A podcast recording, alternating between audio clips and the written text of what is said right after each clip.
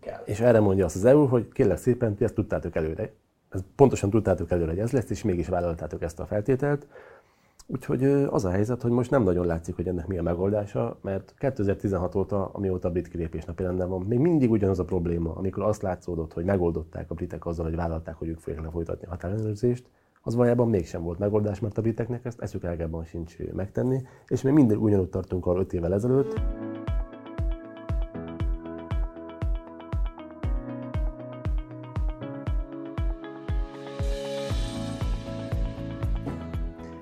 Évtizedes tabuk dőlnek meg az uniós ügyekkel kapcsolatban, amelyek az Európai Unió jövőjét is meghatározhatják.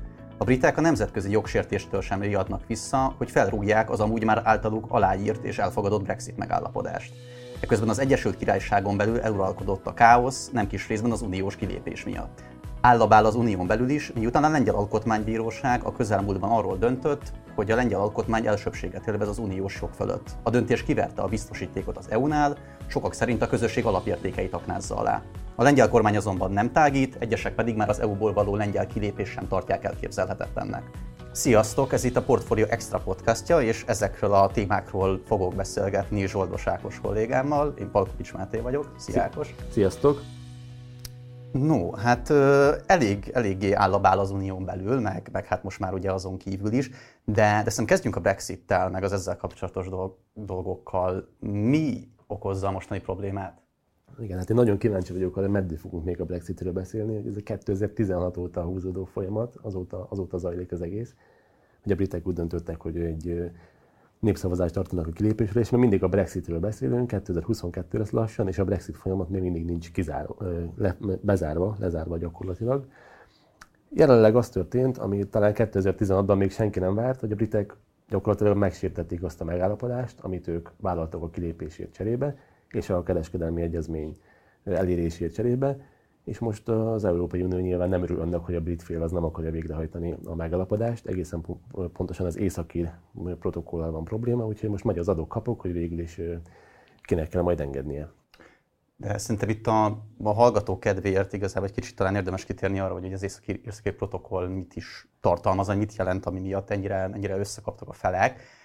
Ugye az, az, az történt, hogy, hogy éveken át tárgyalták a Brexit megállapodást, amelynek eredményeképpen végül nagy nehezen egy ilyen nagyon vastag paksaméter sikerült tető alá hozni, és akkor ennek van egy szekciója, ami Észak-Írországról szól, ami lényegében azt jelenti, hogy, hogy, a, hogy Észak-Írországot, amely ugye az Ír-sziget északi részét foglalja el, ez a rész, ez a közös piac része marad, és ez viszont azt jelenti, hogy mivel az Egyesült Királyság mint ország kilépett, kell egy vámhatár, és mivel ezt nem ott húzzák meg, ezért ugye az ír tengerre került. Tehát gyakorlatilag az történt, hogy egy országnak egy tagországa az kikerült bizonyos szempontból a, az állam joghatósága alól, az Egyesült Királyság hatósága alól, és, és itt most nagyon megy a, az adok-kapok a felek között. Egyrészt a, az Unió azt mondja, hogy, hogy, hogy itt az északíreknek Észak-Írországot bent kell tartani a közös piacon belül, a britek meg azt mondják, hogy, hogy könnyítsék meg a, a vámügyintézést, mert nyilván Észak-Írország az az Egyesült Királyság része, és egy ilyen gordiuszi csomó van most, amit senki sem tud átvágni. Aztán már kérdés, hogy akarja egyáltalán átvágni. Ugye az nagyon fontos ezzel kapcsolatban elmondani, hogy a Brexit az nagyon jelentős mértékben gazdasági kérdés. Maga a döntés ez egy politikai jellegű döntés volt. A britek a politikai unió miatt gondolták azt, hogy nekik nem éri meg az Európai Uniós tagság, mert az Európai Unióval szemben van egy ilyen, hát egyrészt várakozás, nyilván az Európa pártiak szempontjából várakozás, az euroszkeptikusok szempontjából pedig egy kritika, hogy a, az Európai Unió az egy egyre szorosabb politikai unióvá válik. Ezt látjuk egyébként a fejlődés során, de soha nem volt egy úgymond explicit kimondott cél, hogy most ez lesz a következő lépés, hogy itt és itt szorosabbra vonjuk az együttműködést. Ez mindig fokozatosan, lépcsőzetesen történt. David Cameron miniszterelnök, akkor a brit miniszterelnök szájából el is hangzott az, hogy mi nem akarunk része lenni egy folyamatosan egyre erőteljesebbé váló uniónak, egy ever closer union, így fogalmazott angolul, és a britek úgy gondolták, hogy ő nekik a függetlenségük az sokkal sokkal fontosabb politikai értelemben, mint az, hogy része legyenek az Európai Uniónak, a megfoghatatlan európai együttműködésnek, de hát ennek van egy erőteljes gazdasági vetülete is, és amit a problémát jelenti, az ugye te is mondtad, Máté, hogy Észak-Írország az része maradt az egységes piacnak, amire pedig azért van szükség, mert ugye Észak-Írországban és Írországban is évtizedeken keresztül háború volt, mert nem nagyon fogadták el azt a felek, hogy hát ketté szakadt az Ír-sziget. A déli része, a nagyobbik része az visszanyerte függetlenségét, északi része az pedig az Egyesült Királyságon belül maradt. Ez nyilván a, megfelelt így az északiaknak és a délieknek is, csak ugye az volt a probléma, hogy hát nem volt átjárás a két sziget között, és a nagypénteki egyezmény, az 1998-as nagypénteki egyezmény az szabad átjárás biztosított a határon, és amikor a britek kiléptek az Európai Unióból, akkor ez, ez problémát okozott, mert valahol a két gazdasági övezetnek, egy Egyesült Királyságnak és az Európai Uniónak határellenőrzést kellett bevezetnie. És hát mivel ez nem történhetett meg az ír határon, hiszen az ír-sziget béké az nagyon törékeny, és az Írország is, amelyik egyébként az Európai Unió tagja, az nem szerette volna azt, hogy az északír féllel ne legyen kapcsolat, ezért ezt a vámhatárt az Ír-sziget és, az, és a Nagy-Britannia között kellett meghúzni, tehát de facto ketté szokott az Egyesült Királyság. Hát ugye ráadásul ez még az, ír, az északír közösségen belül is ugye megosztott, mert azon belül húzódott. Ilyen tök, tök fura volt, hogy ugye gyakorlatilag a 20. század második felében majd, hogy nem egy ilyen vallásháború volt a katolikusok meg a protestánsok között, a, a, illetve az unionisták és, a, és az Írország pártiak között, és hogy, hogy, hogy, hogy lényegében a, ma is úgy néz ki az északír közösség, hogy van egy csoport, amelyik az Írországgal való egységet szorgalmazza, meg vannak azok, akik meg a britekkel való uniót, és most elsősorban a britekkel való uniót szorgalmazó párt, vagy pártok, azok, amelyek, amelyek itt nagyon kritizálják ezt a, ezt, ezt, ezt a vámhatárt, mert pont azt érzik, hogy ha ebbe belemennek, akkor az előbb-utóbb azzal fog járni, hogy Észak-Írország betagozódik az ír köztársaságba, és, és ők már nem lesznek az Egyesült Királyság részei. Igen, és ez a valóságban, ha technikai értelemben nézzük, akkor így is van, hiszen az Angliából, Walesből, Skóciából, Észak-Írországba áramló árukat a tengeren, vagy hát nyilván nem a tengeren, hanem Észak-Írországban, partvidéken kell ellenőrizni, tehát gyakorlatilag az Észak-Írország és Írország, bocsánat, Észak-Írország és Nagy-Britannia között megszűnt a szabad termékáramlás, mert azt mégsem lehet megtenni, hogy az északi és az ír határ között legyen az ellenőrzés. Na most ezt úgy tudjuk elképzelni, hogy mondjuk Pest megye és Fejér megye között lenne egy valamilyen jellegű határellenőrzés. De facto ez történt. Nyilván más a helyzet, hiszen ott vannak különböző jogosultságai, jogosítványai az északi tagállamnak is, de azért mégsem egy föderáció az Egyesült Királyság. Tehát nagyjából ez a helyzet. És hát már maga a kilépési tárgyalások folyamán is ez egy nagy kérdés volt, hogy hogy lehet ezt, hogy lehet ezt a helyzetet áthidalni, és nyilvánvalóan úgy látszik, hogy, hogy sehogy nem sikerült áthidalni az északi problémát.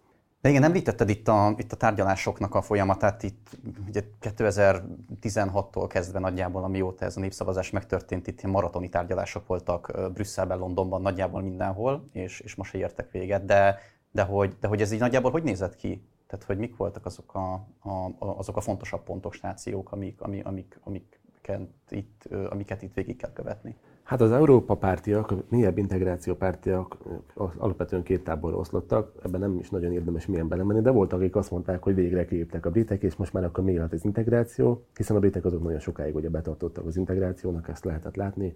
Ő nyíltan kimondták, hogy ők a politikai uniót azt nem támogatják, és egyébként fel is hígítanák a szervezetet új tagállamokkal, de ez most másodlagos kérdés. De volt egy erős érvelés, szintén az Európa pártiak részéről, hogy a brit példával meg kell mutatni a többi tagállamnak, hogy nem olyan egyszerű a kilépés, és úgy kell kirúgni a briteket, hogy gyakorlatilag semmilyen kereskedelmi egyezmény nem születik.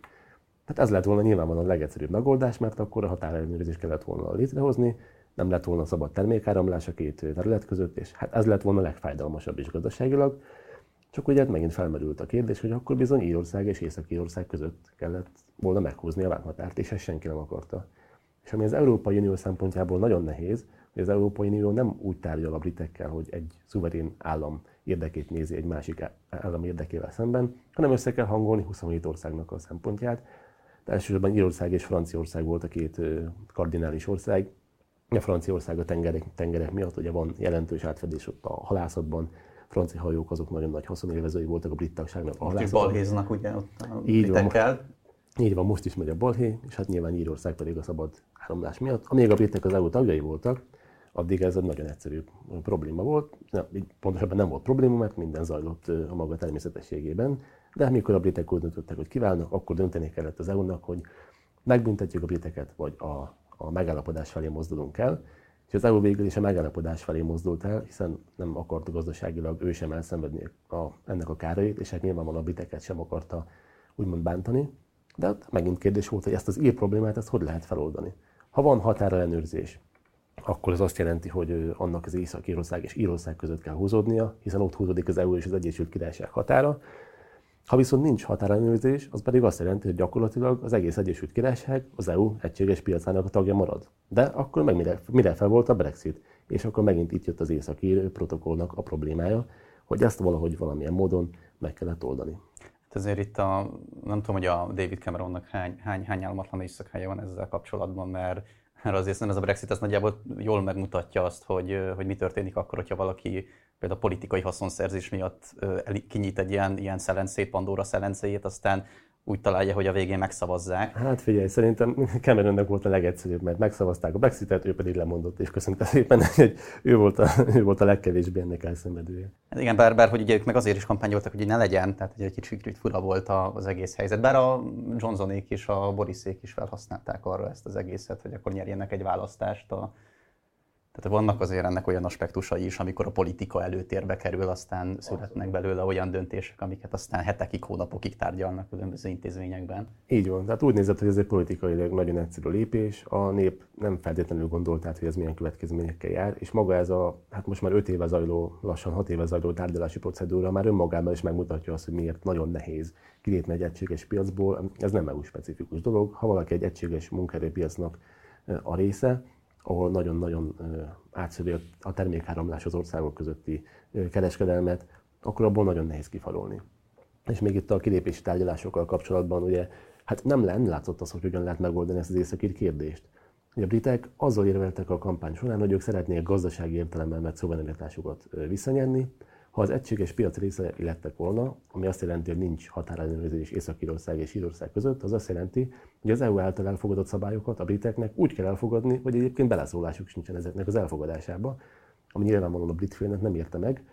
És az lett végül a nagyon nehéz helyzetnek, az akkor is kilátástalan helyzetnek a, a, a megoldása, hogy a britek vállalták, hogy akkor ők országon belül fogják lefolytatni az ellenőrzést. Na most gondoljunk ebbe bele egy picit, még egyszer mondjuk Fejér megye és Pest megye példáján. Képzeljük el, hogy a két megye között zajlik a, a határellenőrzés, és azoknak a vámbevételeit a Magyarországnak át kell utalnia Ausztriának. Most nagyjából az a helyzet, hogy a brit félnek kell beszedni a saját területén a, vám, a vámokat, és azokat át kell utalni az Európai Uniónak. Hát ez, ezt akkor a britek, ezt nagyon fontos elmondani, és ez egy kulcspont az egész vita, vita során, ezt a britek önként vállalták, hogy ők ezt meg fogják csinálni, és végül nem csinálták meg. Miután megvolt az egyezmény, megszületett nagynázon a kereskedelmi megállapodás, akkor Boris Johnson egyszerűen bejelentette, hogy ez nem végrehajtható, ezt nem lehet megcsinálni, nem is szándékozunk megcsinálni, és egészen nyilvánvalóan látszott, hogy soha nem is állt szándékukban megcsinálni. A brit Brexit ügyi főtárgyaló gyakorlatilag ki is jelentette, hogy ezt akkor azért vállaltuk, hogy le tudjuk menedzselni a kilépést, de már akkor is láttuk, hogy problémás lesz, és akkor most pedig az történt, hogy ennek a, a felülvizsgálatát kérték. Hát hogy ott szerintem végig is harsogták még a Boris Johnsonék a, annó a kampány során, hogy a legfőbb céljuk, hogy na, ők aztán lezavarják ezt a Brexitet, amit ugye a Tereza Maynek a kormánya próbált itt éveken keresztül különböző alkukon, meg, meg kompromisszumokon keresztül végigvezetni, aztán a, végül is ehhez úgy látszik, ez egy jó rövid távú eszköz volt, csak aztán feljöttek olyan, olyan problémák, amelyeket most kell itt finom hangolni, de hát nem igazán megy, főleg a a, a mostani, mostani események fényében, hogy ugye a britek már azzal fenyegetőznek, hogy, hogy aktiválják a, az amúgy ö, már megállapodott és megszületett és, és, és mindkét fél által ö, szentesített megállapodásban azt, a, azt aktiválják azt a részt, ami kimondja, hogy ők egyoldalúan felrúghatják az ebben foglaltakat. Itt most kifejezetten az északír protokollra vonatkozóan, itt van egy ilyen klauzula benne, ez a 16-os pont, amely kimondja, hogy igen, valóban mind az EU, mind pedig a, a, a brit kormány egyoldalúan felmondhatja az ír protokollnak a, az alkalmazását,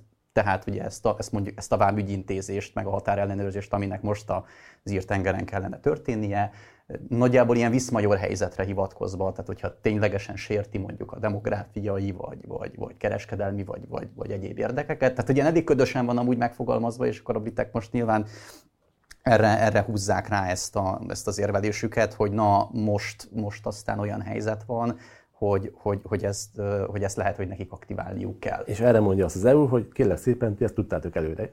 Ez pontosan tudtátok előre, hogy ez lesz, és mégis vállaltátok ezt a feltételt. Úgyhogy az a helyzet, hogy most nem nagyon látszik, hogy ennek mi a megoldása, mert 2016 óta, amióta a brit kilépés napi van, még mindig ugyanaz a probléma, amikor azt látszódott, hogy megoldották a britek azzal, hogy vállalták, hogy ők fogják lefolytatni a határellenőrzést, az valójában mégsem volt megoldás, mert a briteknek ezt eszük elgában sincs megtenni, és még mindig ugyanúgy tartunk arra 5 évvel ezelőtt, a Brexit még mindig levezényelhetetlen, befejezetlen, és nem is nagyon látszik az, hogy hogyan lehet befejezni. Ma is, tegnap is voltak ezzel kapcsolatos fejlemények. A britek kérték, hogy vizsgálják felül magát az északi protokollt. Az EU azt mondta, hogy ők hajlandók valamilyen szinten engedni, de mégsem fogják azt, ezt a részét nem fogják felvizsgálni az északi protokollnak, hogy Észak-Írország az egységes piac része, és kiterjed el az Európai Bíróság hatásköre, és ez itt, ez itt most a, a kulcskérdés, hogy akkor az Európai Bíróság hatásköre terjedjen ki rá, vagy valamilyen más jogellenőrzési mechanizmus jöjjön be ide a folyamatba. Ez, ez, ez, ez annyira aktuális igazából a probléma, hogy, hogy, hogy éppen ma ö, tárgyal egymással ugye az EU képviseletében Maros Sefcovics és, és, és David Frost, aki a Brexitnek a, a, főtárgyalója a brit részről, pont Londonban, de szerintem azt nagyjából valószínűsíthetjük, hogy a, az eddigi, eddigi események fényében itt nem lesz áttörő siker ezeken a, ezeken a tárgyalásokon nem, nem, nem arról szóltak az utóbbi napok hírei, hogy itt, itt bármilyen szinten közeledtek volna az álláspontok egymáshoz. Ugye az előző időszakban az EU viszonylag sokat engedett a brit fél számára, de végül is, hogyha megnézzük az egész megalapodást, akkor ez a brit fél számára egy hatalmas presztízsveszteség, hogy gyakorlatilag a saját ország területén kell begyűjteni egy másik vámterületnek, egy másik egységes politikailag félig meddig egységes, gazdaságilag teljes mértékben egységes vezetnek a vámjait. De a brit fél ezt amennyiben nem akarja végrehajtani ezt a megállapodást, és ez tűnt annak a kompromisszumos megállapodásnak, ami felválthatja az ír határ, határellenőrzést, amit senki nem akar, és az Egyesült Államok is egyébként jelezte, hogy hát ezt, srácok, ezt erre nem lenne szükség, ezt örülnénk, hogyha ez nem lenne akkor nagyon nem látszik az, hogy mi lesz ennek a megoldása.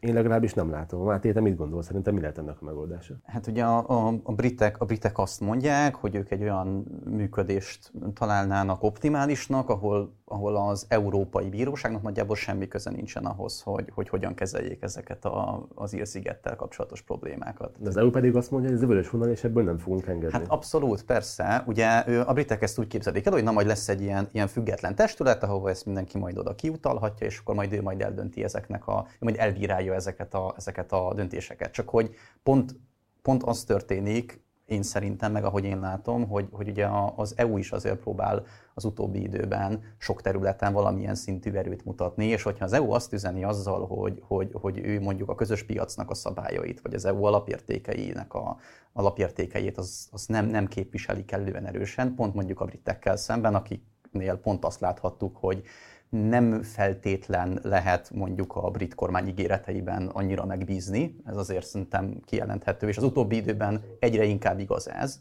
mert szerintem a, a mély kormány működése alatt, amikor még ennek az elején voltunk, akkor valóban azért látszódott egyfajta próbálkozás arra, hogy legyen megalapodás, ezért is húzódott ez el nagyon. Most meg sokkal inkább az látszódik, hogy, hogy, hogy hát megy a taktikázás, hogy, hogy ki, ki az, aki hamarabb rántja el a kormányt. Akkor ennek a nagyon-nagyon bonyolult helyzetnek mégis mi lehet a megoldása, szerinted Máté? Hát, hogy mi lesz a megoldás, azt, azt nagyon nehéz, nehéz megjósolni, mert még kristálygömböm az... Mik a forgatók ennek a az, az, Mik az a lehetőségek? De, de, de van, nagyjából három lehetőség van, ami, ami, ami körvonalazódik, és ami lehet. Az első lehetőség az, hogy, hogy engednek, a, engednek a britek. Ami azt jelenti, hogy akkor azt mondják, hogy igenis az Európai Bíróságnak fennhatósága van az Ír-sziget északi része fölötti ügyeket érintően ez az egyik. Ez nyilvánvalóan a mostani brit állásponthoz képest egy politikai vereség lenne, amit ők mondanak. A második opció az, hogy az Európai Unió enged, és azt mondja, hogy mondjuk hozzájárul egy olyan ö, gyakorlathoz, vagy egy olyan működéshez, hogy, hogy, hogy ne csak az Európai Uniós bizot, Bíróságnak legyen joga dönteni ezen kérdéseket, illetően, hanem bevonják mondjuk a briteket, vagy egy másik bíróságot, egy független testületet, amelyik ezeket az ügyeket majd vagy valamilyen módon kezeli és erről döntést hoz. Ez nyilvánvalóan az EU-s álláspont hoz képes jelentene egy, egy jelentős visszalépést, meg egy politikai vereséget Brüsszelben. És a harmadik? És akkor van egy harmadik, ami úgy, úgy a legrosszabb forgatókönyv mind közül, és szerintem mind a két fél ezt próbálja elkerülni, hogy, hogy lényegében egy kereskedelmi háború alakul ki Európa, az Európai Unió és Nagy-Britannia között, amit valószínűleg egyik mindkét fél így a háta közepére se kíván, de, de, de sajnos azért elég sokan ö, számolnak ezzel a lehetőséggel is. De igazából szerintem, hogyha ezt így meg akarnánk jósolni, vagy erre, ennek, kapcsán, ennek kapcsán következtetéseket ö, akarnánk levonni, ö, akkor azért felmerül a kérdés, hogy ki, ki járna úgy igazán rosszul ezzel az egésszel. Kinek fájna jobban, hogyha nem lenne itt most megállapodás? A második forgatókönyv, amikor az EU enged, az az EU számára egy hatalmas nagy vereség lenne, hiszen van egy kialkudott, aláírt egyezmény a brit fél és az EU fél között, amit most a britek nem tartanak be, és az EU egész egyszerűen elfogadná azt, hogy ők ezt az aláírt egyezményt, általuk is vállalt egyezményt nem tartják be, és az ő kényükedük szerint módosul az egyezmény. Az EU számára, ahogy te is mondtad, ez egy nagy vereség, ebbe azon nem mehet bele. Viszont, hogyha a britek engednek, akkor is figyelembe kell venni, hogy az EU-nak most van egy javaslata, ami a jelenleginél sokkal enyhébb határellenőrzést javasol a két Írország között, bocsánat, illetve az Írország és az, a Nagy-Britannia, tehát Anglia, Wales és Skócia között, és már ez is olyan irányba módosítaná az egyezményt, hogy a brit fél jobban járna, mint az eredetileg kialakodott egyezményben.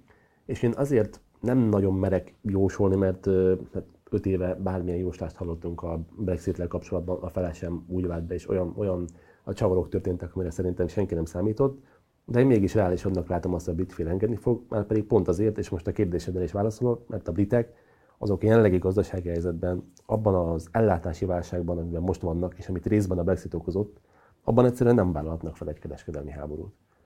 És egyébként, ha belegondolunk, hogy a kereskedelmi háború az hogyan történik, hogyan néz neki a gyakorlatban, amikor egymás termékeire büntetővámokat vetnének ki, az megint csak azt eredményezni, hogy Észak-Írország és Írország között kellene ezeket a határellenőrzéseket lefolytatni, amit nyilvánvalóan senki nem akar.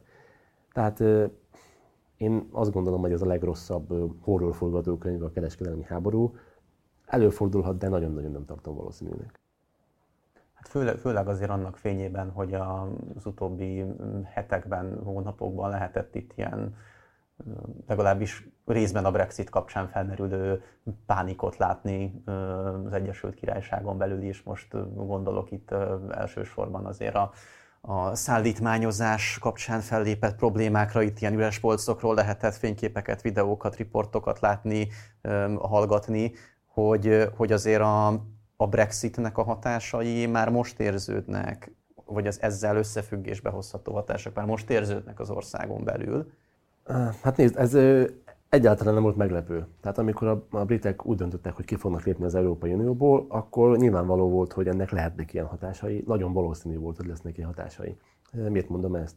Azért, mert ez nem egy EU-specifikus dolog. Tehát most nem arról van szó, hogy ha aki az EU-ból kilép, az automatikusan gazdaságilag fejre áll, itt arról van szó, hogy ha egy ország a gazdaságát integrálja egy nemzetközi gazdaságba, a nemzetközi termékáramlásnak a része lesz, a munkaerőáramlásnak a része lesz, és ebből kiszakad, annak elkerülhetetlen ilyen következményei lesznek. Tehát ez nem brit specifikum, ez nem is EU specifikum, ez egy ilyen gazdasági törvényszerűség. Különböző becslések vannak arra, hogy a Brexit az milyen egyszeri hatást tud be a brit gazdaságnak.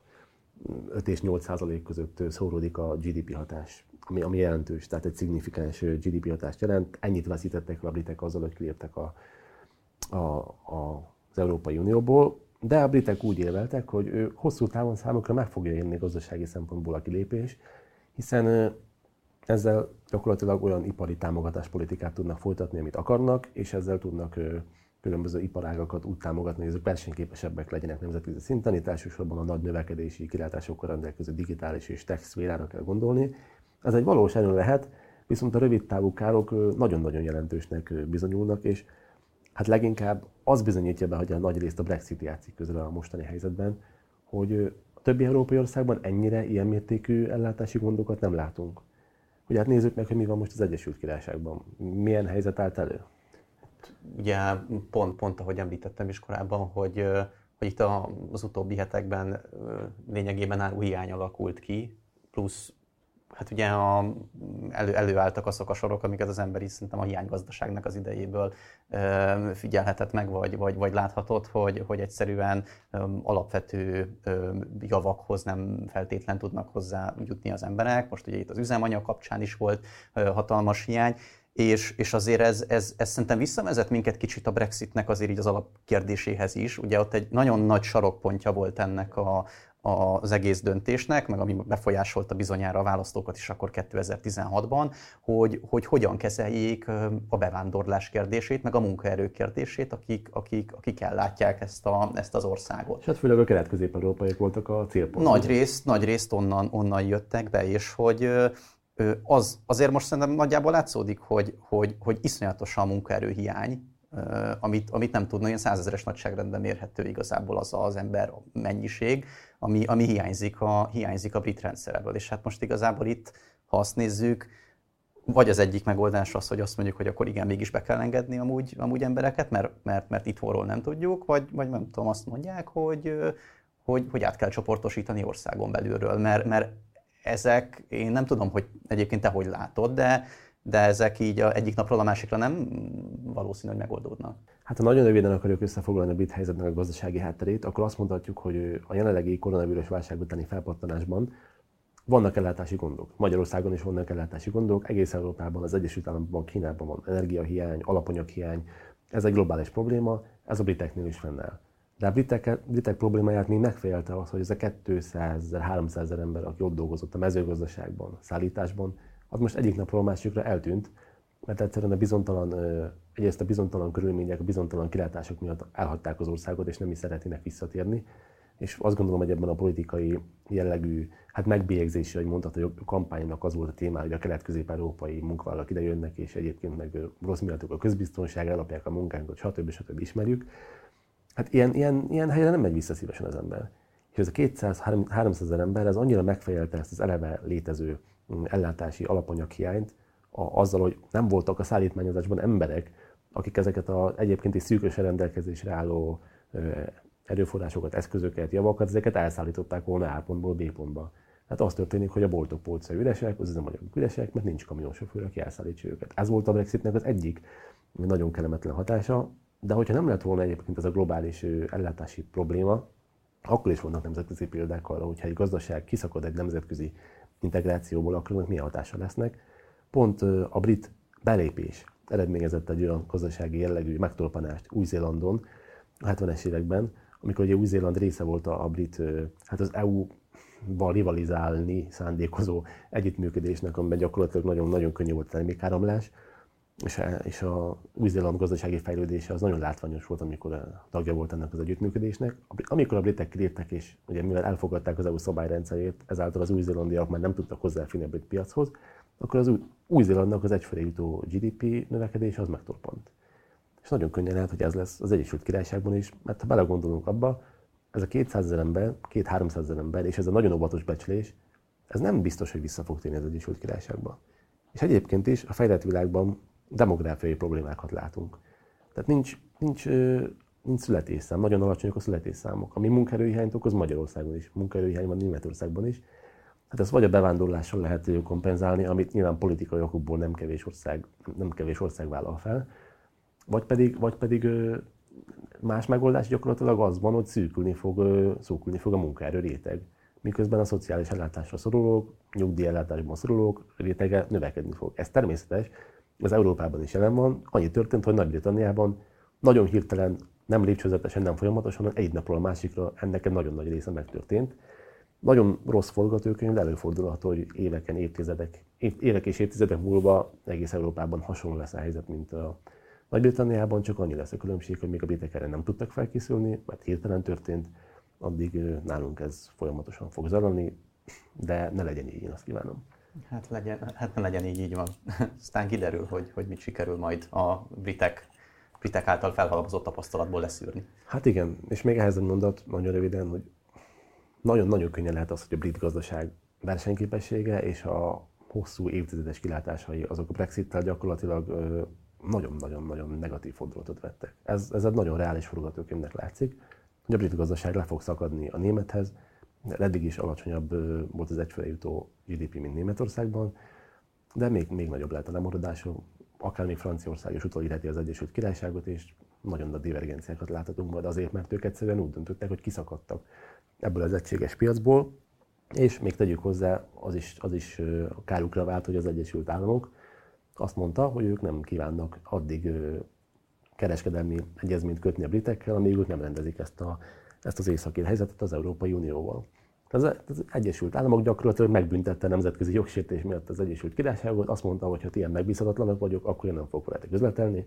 Pedig Boris Johnsonnak egy nagyon markáns ígérete volt, hogy ha kilépünk az Európai Unióból, akkor mi az EU-s külkereskedelmi megállapodásokhoz képest számunkra sokkal előnyösebb egyezményeket hozunk tető alá.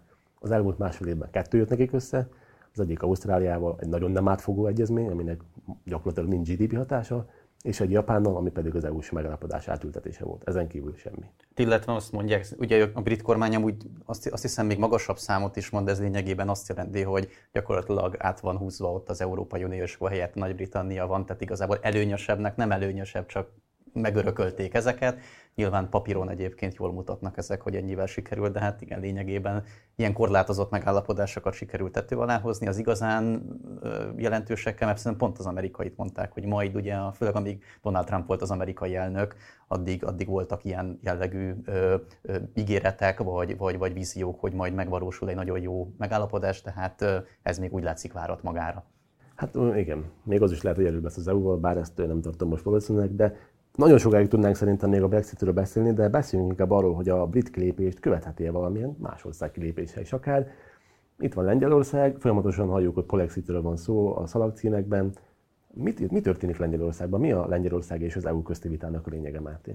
Hát ugye Lengyelország azért az utóbbi években többször belekerült a hírekbe az Európai Unióval folytatott csörték kapcsán, főként igazából amióta jelenleg regnáló kormánypárt van, van hivatalban. Itt, ami most kifejezetten ezt, a, ezt az ügyet érintette, mert volt előtte sok minden, amivel kapcsolatban már voltak konfliktusok, de, de lényegében az, hogy, hogy a Lengyelországban lefolytattak egy igazságügyi reformot, amelyet számos Európai Uniós ország és maga az Európai Unió is, mint intézmény igen erős kritikákkal illetett, és felszólították Lengyelországot arra, hogy, hogy ezt a ezt a jogszabálycsomagot és annak kifejezetten bizonyos részeit módosítsák. Lengyel kormány azonban en, ezen, ennek apropóján ezt az EU-s kérvényt a Lengyel Alkotmánybírósághoz delegálta, hogy döntsék el, hogy az Európai Uniónak valóban jogában áll-e e fölött ítéletet mondani,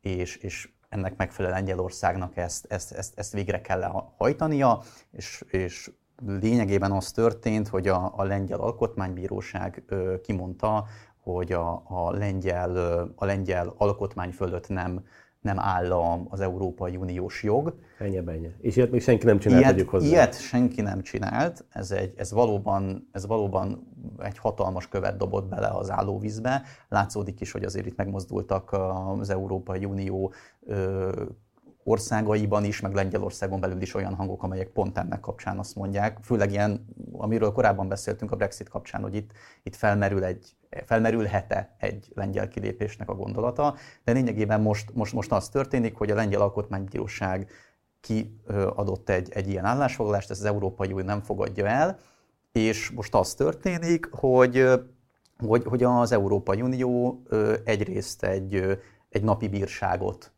szabott ki Lengyelországra. Egy millió euró. Ez ugye egy millió euró, plusz még amúgy van fél millió euró, ami meg egy szénbányának a, a bezárása, nem bezárása miatt vetne ki, de az nagyjából van egy ilyen egynapos... Hát ott is az történt, hogy az Európai Bíróság ítéletét nem hajtják végre. Nem hajtják végre, igen, tehát itt az történik röviden, hogy a lengyelek nem hajtják végre azt, amit az Európai Bíróság kimond, arra hivatkozva, hogy, hogy az Európai Uniós ö, alapszerződésben nem, nem ruházták át az Európai Unióra azt a jogot, hogy ilyen kérdésekben döntsön.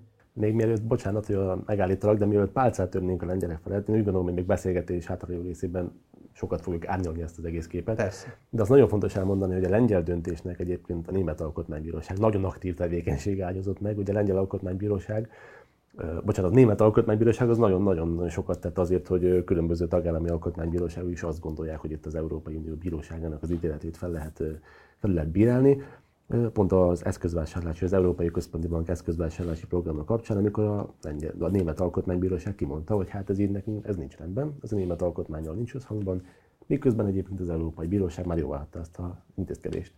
Na most az, a lengyel probléma az nyilván egy nagyon nagy probléma. Tehát az EU jogi szempontból, az EU jövője szempontjából az egy tényleg történelmi pillanat lehet.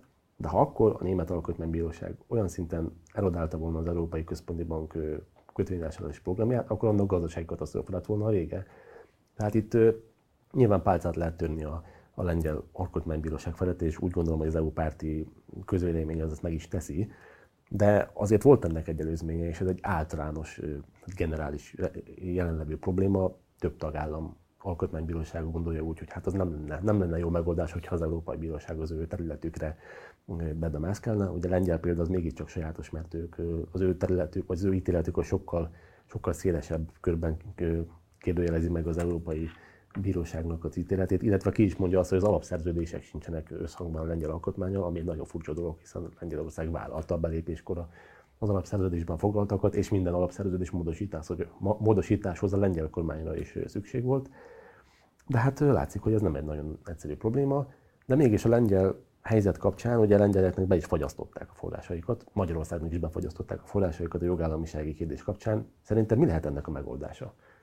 Hát ugye a, amit, ami, a, amit most a, az Unió, pont, pont egyébként ma érkezett, vagy mostanában érkezett egy, egy olyan javaslatcsomag az Unió részéről, amely megpróbálja ezt a, ezt a döntést valamilyen módon, vagy hát legalábbis egy kompromisszumot kicsikarni a lengyelekből. Ez, ez nagyjából úgy néz ki, hogy az Európai Unió hajlandó Lengyelország rendelkezésére bocsátani az amúgy befagyasztott források egy részét, egy, egy, egy kisebb részét, amennyiben, amennyiben teljesíti az Európai Unió által kért feltételeket. Itt, itt az látszik, hogy a lengyelek e tekintetben hajlandóak lehetnek bizonyos, bizonyos kompromisszumokat kötni, meg, vagy bizonyos engedményeket tenni, azonban, azonban vannak olyan sarkos kérdések, amelyekben még továbbra is az látszik, hogy a lengyelek nem, nem, nem, nem hajlandóak felülírni a döntésüket.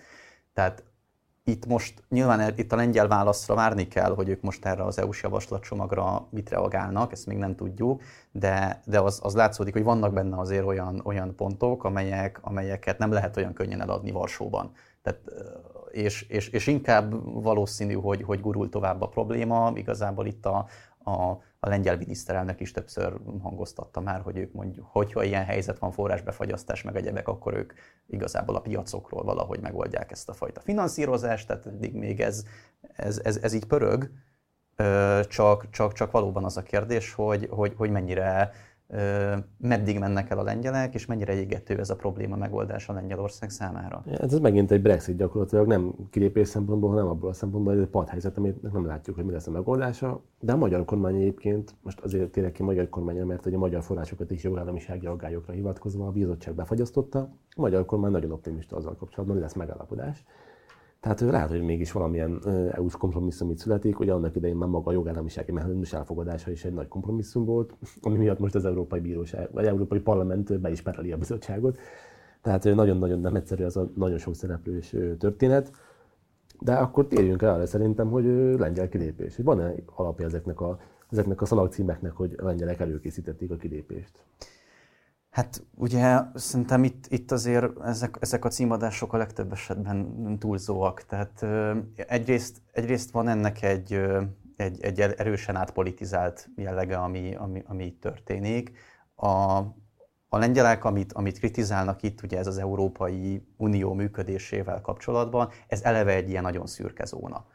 Tehát az, hogy itt az Európai Uniónak mire van fennhatósága és, és mire nem, ez egy ilyen nagyon-nagyon szürke zóna, és csak eddig nyilván, ahogy te is említetted ezt a, ezt a német alkotmánybírósági döntést, így megfértek ezek egymás mellett, és nem voltak nagyon olyan ütközési pontok, ahol ebből ekkora balhé kerekedhetett volna, vagy hogyha balhé kerekedett volna, akkor az adott hatóság vagy intézmény az próbálta ezeket valamilyen szinten lecsitítani. Itt, itt, itt jelenleg inkább az van, hogy hogy, hogy, hogy növekszik a feszültség, és, és, és senki sem enged.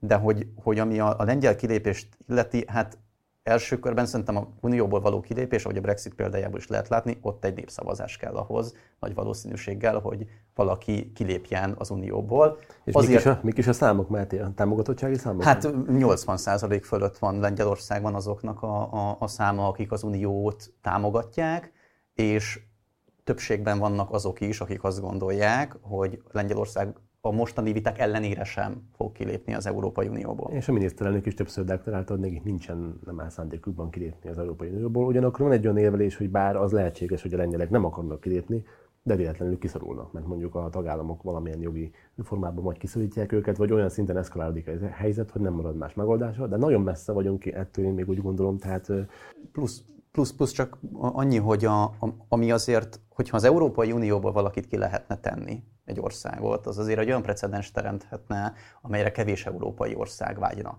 Hogy, hogy, hogy, hogy, mert ugye arra van precedens jelenleg, hogy igen, egy ország ki tud lépni az Európai Unióból, hogy ezt a Brexit is mutatja. Fájdalmas viszont, precedens, nagyon fájdalmas, igen. Így van. Azt viszont nem tudjuk, hogy arra még nincsen, hogy, hogy egy országot kidobjanak onnan, és, és, és azért ezt, ezt, ezt nem biztos, hogy azért az Európai Unión belüli tagállamok szeretnének egy ilyen precedens, hogy legyen. Nem, abszolút. Tehát ők az, EU, az Európa párti tagállamok és politikai erők, mert most furcsa tagállamokról beszélni, mert mégiscsak politikai aktorok vannak. Mondjuk nézzük Olaszországot, jelenleg ugye Európa párti kormánya van Olaszországnak, de az ország többsége egyébként soft euroszkeptikus, azt lehet mondani, ha csak a pártámogatottságokat nézzük.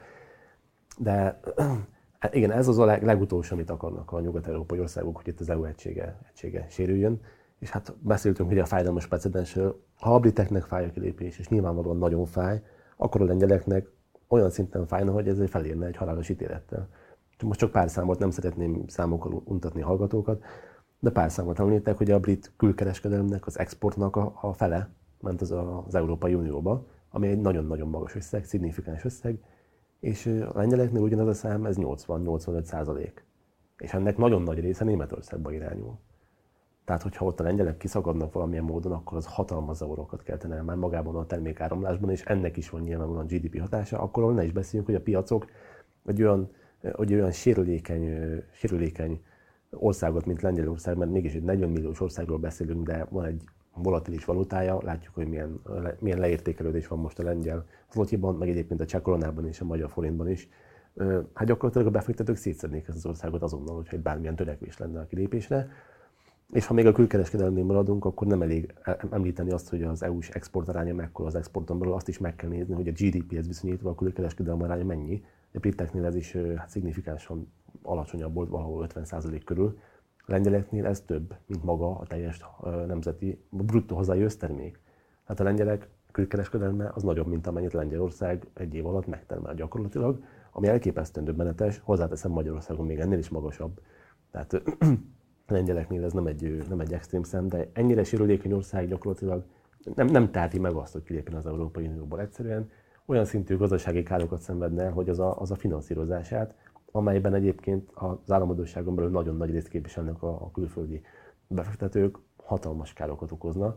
És akkor beszélhetnénk, egy geopolitikai vetületéről is a dolognak, ami nyilván a te területed, de hát ott van mellettük Oroszország, akit nem nagyon szeretnek, és hát maga az EU tagság is egy, egyfajta védőernyőt biztosít számukra az orosz érdek, érdekek védelmével szemben. Tehát én úgy, úgy látom, hogy a lengyel kormány egy csapdahelyzetben találta magát most. Semmilyen forgatókönyv szerint nem elképzelhető számukra az EU-s, EU-s kilépés, ugyanakkor meg politikai okok miatt a megállapodás felé sem nagyon mozdulhatnak el. Megint tudtam, mint a briteknél, hogy valamelyik félnek engednie kell valamelyik félnek muszáj lesz engednie, és, és igazából, hogyha pont-pont ugye ez a népszavazás, én, én amúgy ilyen számok mellett azért meglepődnék, hogy egy, egy, egy ha mondjuk erről odáig elvinnék, hogy egy népszavazást kiírnak róla, hogy itt a lengyel társadalom azt mondja, hogy igen, mi szeretnénk amúgy kilépni az Európai Unióból. Egy, most annak fényében, hogy egyrészt látták a Brexites példát, kettő meg azért az Európai Uniónak az utóbbi 15 évben látott fejlődésében az Európai Uniónak a hozzáadott értéke az, az nagyon nagy mértékben kimutatható. Tehát, hogy a, a, az ország az, az azért, az országot úgy említik, mint Európa egyik nagy feltörekvő gazdasága, abban nem kis részben van benne az, hogy az európai közösség része. Itt szerintem, ahogy te is mondtad, a, a, a lengyel kormány az, amelyik inkább csapda helyzetben van, csak kérdés, hogy, hogy melyik lesz az a pont, ahonnan, ahonnan ők mondjuk hajlandóak lennének érdemben visszatáncolni. Igen, hát kedves újságíró kollégák, én azt szeretném üzenni, hogy óvatosabban ezekkel a polexites szalagcímekkel, nagyon-nagyon Hát ha elkezdjük emlegetni, farkast kiáltani, akkor a farkas előbb-utóbb megjelenik, és erre szokják azt mondani, hogy minél többet beszélünk róla, annál valószínűbbé válik, hogy a helyzet eszkalálódásával a lengyelek is valamilyen módon kiszorulnak az Európai Unióból. Hát én nem látom még azt, hogy hogyan, hát végül is a Brexit is megtörtént, egészen más összes lehet hasonlítani. Tehát mikor ez a másik érvelés, hogy a britek is kiléptek, akkor azért hozzá kell tenni, hogy már britek egyszer szavaztak a kilépésről, annak idején rögtön a belépés után, és egyébként mindig nagyjából 50% körül volt az EU tagság támogatottsága, és nem is voltak ennyire integrálódva az EU-s gazdaságban, mint amennyire a lengyelek. De én szerintem, amit a félreértést adja, és ami miatt előkerülnek ezek a folyamatos lengyel kilépít vizionáló hangok, az az egész maga az EU-s intézményrendszernek és az egész EU-s politikai elképzelésnek a félreértése. Ugye itt van két markáns elképzelés, és hát ennek a határvonalán is vannak, határterületén is vannak elképzelések, az az, hogy hogyan látjuk, a, hogyan látjuk az Európai Unió jövőjét. És a lengyel kormány, a magyar kormány, és nyilvánvalóan Európán belül még van több ilyen politikai erő, például az Olaszországot hamarosan minden bizonyal, hát az olasz kormányrodat átvedő a Fratelli, tehát Olaszország, Olaszország testvérei, illetve Lega is. Tehát az a blokk, ami egyébként egyre egységesebb, az úgy tekint az Európai Unióra, mint egy nemzetközi, nemzetközi együttműködésre. És ezzel szemben van egy másik irányvonal, aki pedig azt mondja, hogy az Európai Unió az már rég meghaladta ezt, intézményileg is így van egyébként, és ők pedig kívánatosabbnak tartanák azt, hogy egyfajta föderalizációt vagy Európai Egyesült Államokat hozzanak létre, mint például a német zöldek. Amit gondolsz, te egyetértesz ezzel, hogy van egy ilyen, ilyen félreértés, és amikor valaki azt mondja, hogy a lengyel kormány ki szeretne lépni az Európai Unióból, akkor valójában inkább arról van szó, hogy a lengyel kormány az csak szeretné az Európai Unió politikai, politikai felhatóságát picit megnyírbálni és előtérbe helyezni a gazdasági lábát. Egyetértesz ezzel? Szerintem ez abszolút, ez abszolút így van, és pont, hogy a, ugye az Európai Uniónak azért, azért mindig nagyjából kettő dolog között kellett választani, amikor egyről a kettőre akart jutni. Az, egy, az első volt, hogy most bővít, a második az, hogy elmélyít, és ugye ezek között mentek folyamatosan mindig a, a ez, ez, e körül forgott a dilemma. És most megjelent a leépít. Mint a... És, és most harmadikként egyébként most itt, itt, itt van ez a leépítés, vagy átalakítás, de abszolút látható egy, egy, egy, egy ilyen, ilyen felosztása az országok között és, és valóban, csak ugye eddig az történt, hogy, hogy ezek nem kerültek fel ilyen, ilyen, ilyen keményen egy politikai színpadra, nem csontosodtak meg ezek a frakciók, például az, hogy mondjuk egy EU-szkeptikus képviselőcsoportok vagy jelen vannak az Európai Parlamentben, ez azért az utóbbi éveknek a fejleménye, ez abszolút látható.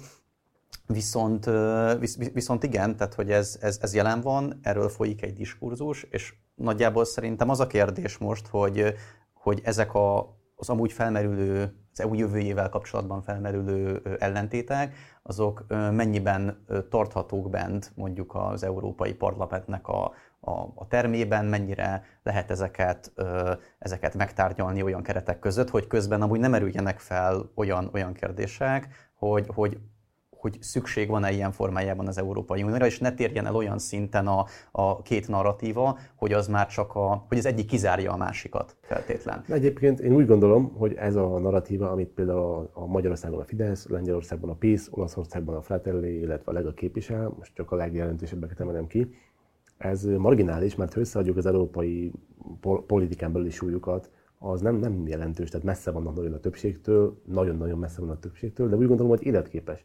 És azért gondolom, hogy életképes ez az érvelés, és hát most minden nem, az én személyes véleményemből teljes mértékben függetlenül gondolom azt, mert bár látjuk azt, hogy a Magyarországon is, Lengyelországban is 80% felett van az EU támogatottsága, az EU tagság támogatottsága, azt soha nem tették fel a magyar és a lengyel választóknak kérdésként, hogy ti elfogadnátok ezt, hogy az Európai Unió az Egyesült, Európai Egyesült Államok irányában mozduljon el, vagy te inkább az Európai Unióra úgy tekintesz, mint egy nemzetközi szervezetre. És ha ezt feltennék, akkor lehet, hogy az jön neki, hogy az emberek azt mondják, hogy persze maradjunk az EU-ban, de ne legyen már belőle egy állam, egy federatív állam. És hogyha ezt az emberek elkezdik megérteni, mert szerintem az emberek széles körben nem értik azt, hogy az EU ez egy dinamikus szervezet, az nem statikus szervezet, van a mi EU-nk, mi annak vagy része vagyunk, vagy nem, ez a dinamikus, folyamatosan mélyülő, eddig folyamatosan mélyülő szervezet, lehet, hogy pont most van a fordulópont, és majd hát kevésbé lesz mély az együttműködés, más előbb lesz az együttműködés. Vagy valakinek mélyebb lesz, valakinek kevésbé az lesz. Is, igen, a kétsebességes Európa is, ami egyébként most is kétsebességes, mert ugye nálunk nincs euró, Ausztriában van euró, tehát ez már most egy kétsebességes integráció. De ezt feltennék a lakosságnak, és megértenék, hogy ezek a jobboldali erők, ezek egyébként nem kilépést akarnak, hanem átszervezést, akkor már nagyon könnyen lehet, hogy ez ennek a támogatottsága magas lenne, és akkor nem beszélnénk többet arról, hogy melyik országokkal kilépni, hanem akkor arról beszélnénk, hogy hogy nézzen ki az Európai Unió. Na hát szerintem erről egyébként még órákat lehetne beszélni, meg valóban nagyon-nagyon izgalmas ö, időket élünk, de, de a mai podcastban sajnos csak, csak ennyi fér bele. Természetesen követni fogjuk azért az eseményeket. Ö, úgyhogy kövessetek minket Soundcloudon, Spotify-on és, és Apple Musicon. Köszi Ákos! Én is köszönöm szépen, nagyon élveztem a beszélgetést. Sziasztok! Sziasztok!